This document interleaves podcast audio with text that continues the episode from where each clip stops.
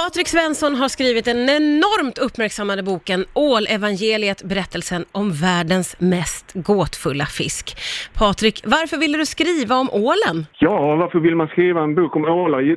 Först och främst så att det är en, eh, det är en väldigt märkvärdig fisk som eh, kan bli extremt gammal och som eh, kan överleva flera timmar på land som eh, måste vandra hundratals mil till Sargassohavet för att fortplanta sig Mm. och som vägrar göra det någon annanstans och inte heller i fångenskap och gör det en gång i livet bara för att sedan dö. Ja, Ehm, och sen, sen är, finns det en väldigt så här, den vetenskapliga historien kring ålen är väldigt eh, spännande och bitvis också rolig. Alltså så här, redan Aristoteles studerade ålar och försökte förstå hur de fortplantar sig. Och, eh, Sigmund Freud innan han blev eh, psykoterapeut studerade ålar och försökte hitta en ål med, med testiklar.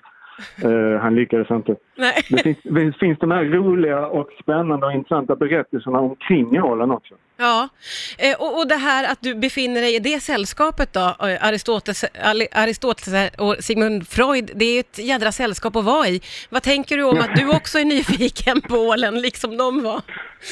Ja, men jag tror, eh, jag, jag sätter mig inte i, i det sällskapet själv, men den här nyfikenheten på ålen har, har lockat, det har lockat väldigt många människor under väldigt lång tid. Mm. Och det är på grund av att eh, ålen är, är väldigt hemlighetsfull. Det har Ja, varit väldigt svårt att förstå sig på den. Man visste inte hur den fortplantar sig, om den eh, födde levande ungar eller var den fortplantar sig förrän liksom in på 1900-talet. Nej. Och de där gå- gåtorna, det tror jag lockar människor. ja, man gillar ju ett gött mysterium, så är det Eller väl? hur? Ja. Exakt. Ja. Ja. Men, men boken handlar inte bara om att förstå sig på ålar, utan även om att försöka förstå sig på människan, om jag har förstått saken rätt. Ja, det, den handlar eh, om ålar, men sen handlar det också om eh, min eh, erfarenhet av ålar. Och det var att jag eh, fiskade ål med min pappa när jag var liten och eh, det var liksom vår sak vi två hade gemensamt. Och eh, boken handlar också om det här, liksom, det, det här gåtan med ålens ursprung, att den bara måste tillbaka till sitt ursprung i Sargassohavet. Det speglar på något sätt, det, jag tror jag, ett behov många människor känner på något sätt eh,